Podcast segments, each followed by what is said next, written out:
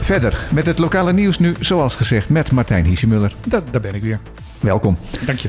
Het verduurzamingsplan van de web haalt het verdienmodel van BBT, de Bonaire brandstofterminals, onderuit. Dat moet je me uitleggen.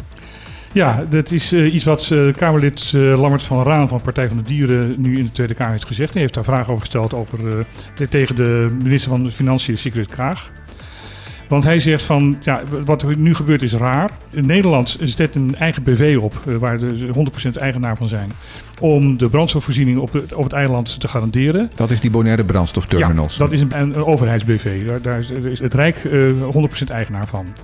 En ze willen dus geld gaan verdienen met uh, die BV om de investering die ze er nu in doen weer terug te verdienen. Ja, en dat betreft dus puur fossiele brandstof. Puur fossiele brandstoffen. Daarom is Van Raan uh, als uh, Partij van de Dieren daar ook tegen. Ja.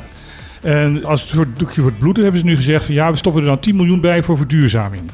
En toen Van Raan vroeg van, ja, maar waarom niet meer? Toen werd er gezegd van, ja, maar dan komt er zoveel alternatieve energie op het eiland. Dan gaan er minder fossiele brandstoffen verkocht worden en kunnen we geen winst maken en onze investeringen niet terugverdienen. Maar hoeveel geld is er geïnvesteerd in, in die Bonaire brandstofterminals? Dat, dat uh, is niet echt openbaar gemaakt, omdat het een BV is. Maar daar gaan tientallen miljoenen in.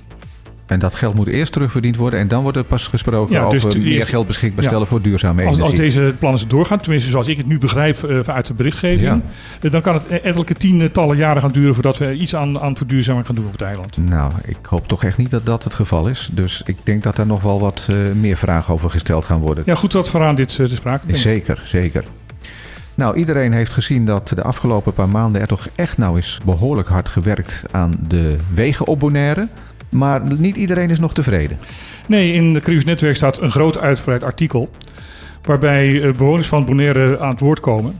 En zeggen we ja, het is allemaal erg leuk, maar het is een hap-snapwerk en het is labwerk en echt een nieuwe wegen. Ja, kijk ook hier de, de weg hier vlakbij. Cayenne Ja, tot aan het benzinestation is nieuw, tot aan uh, budget uh, marine is, is nieuw. Alles daartussen zit is ja. weer vol met gaten. Ja, maar dat is nog niet klaar. Hè? Dat is de derde fase, die moet nog worden afgemaakt. Die moet nog en volgens mij is die tweede fase, die loopt van de hoofdweg van de Caille de Brot richting het benzinestation ook nog niet helemaal klaar. Volgens ja. mij moeten daar nog de trottoirs uh, aangelegd worden. Maar op dit moment rijden dus gewoon weer de ja. In. En dat is ja, een beetje tekenend voor, voor heel veel andere projecten. De overheid zelf zegt dat ze 7% van de geplande werkzaamheden nu zijn afgerond. En 80% van de bijgekomen projecten van start zijn gegaan. Nou ja, als dat uh, zo is, dan moeten er nog heel wat extra bijkomende projecten komen. Want uh, de wegen van Bonaire zijn nog lang niet klaar. Zoveel is wel duidelijk, inderdaad.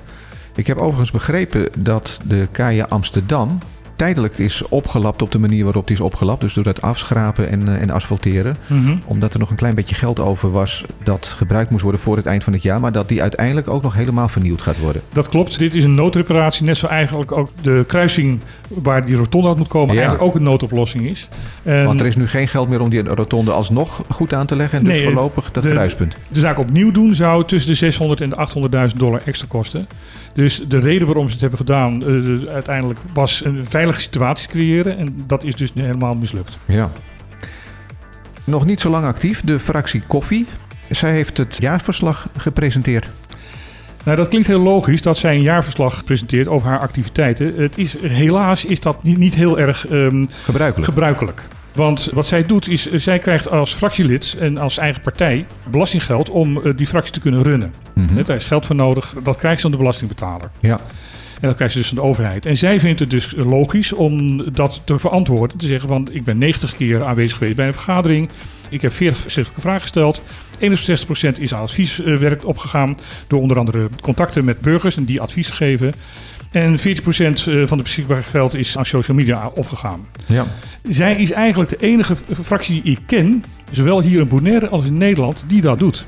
En dat vind ik heel prijswaardig. Ja, het gaat om geld van de belastingbetaler. Dus eigenlijk zouden wij gewoon recht hebben op dit soort informatie. Eigenlijk zou dit normaal moeten zijn, zou dit wettelijk geregeld moeten zijn, dat dus alle politieke partijen die een fractie hebben ergens in een raad, de Tweede Kamer of een gemeenteraad of een raad van de provincie, en hier in Bonaire in de eilandsraden, daar verantwoording voor afleggen. Ja, nou, goed voorbeeld dus. Op, openbaar. Hopelijk doet het ook goed volgen. Na ruim een jaar voorbereiding heeft het Tweede Kamerlid Joost Sneller van D66 in Nederland een initiatief wetsvoorstel ingediend. Waarbij Nederlanders die buiten de Europese Unie wonen recht zouden moeten hebben op een betaalrekening bij een Nederlandse bank. Ja, het sluit een beetje aan op de berichtgeving die we ook gisteren hadden. Waarbij zei van uh, de, de buitenlandse toeslag. Die verdwijnt hier niet mee. Maar de neiging van Nederlandse banken om bijvoorbeeld Bonaire mensen af te sluiten van hun rekening. Die zou hiermee tegengegaan worden niet al te hard juichen, want je krijgt al een Nederlandse rekening, maar dat wordt dan ook een basisbetaalrekening genoemd. Dus alle andere faciliteiten die je als Nederlander in Europees Nederland krijgt, die krijg je allemaal dus niet. En ik neem aan dat er ook geen eh, kantoren geopend worden nee, dat zal om die uh, basisrekening te kunnen openen. Dan uh, een leuk berichtje over een kleurrijke Bonaire-bus die in Europa gaat rondrijden. En daar wordt dan reclame mee gemaakt voor Bonaire.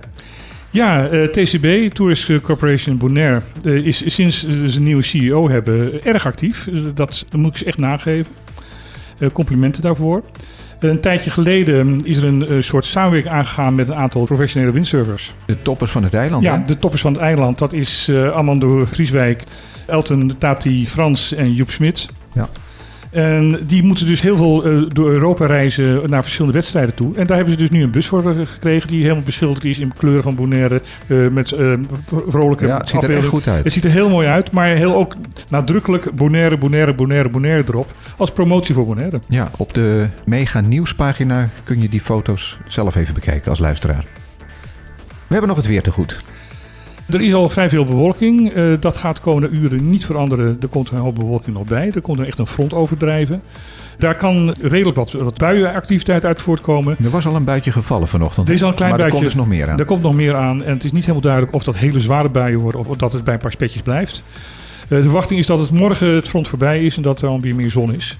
De wind uh, blijft redelijk matig, behalve inderdaad dus nu nog wat windstoten tijdens de buien. De temperatuur is 29 graden op maximaal overdag en minimaal 24 uh, in de avond. Oké, okay. dank Martijn en uh, tot morgen, de tot laatste morgen. van deze week. Ja.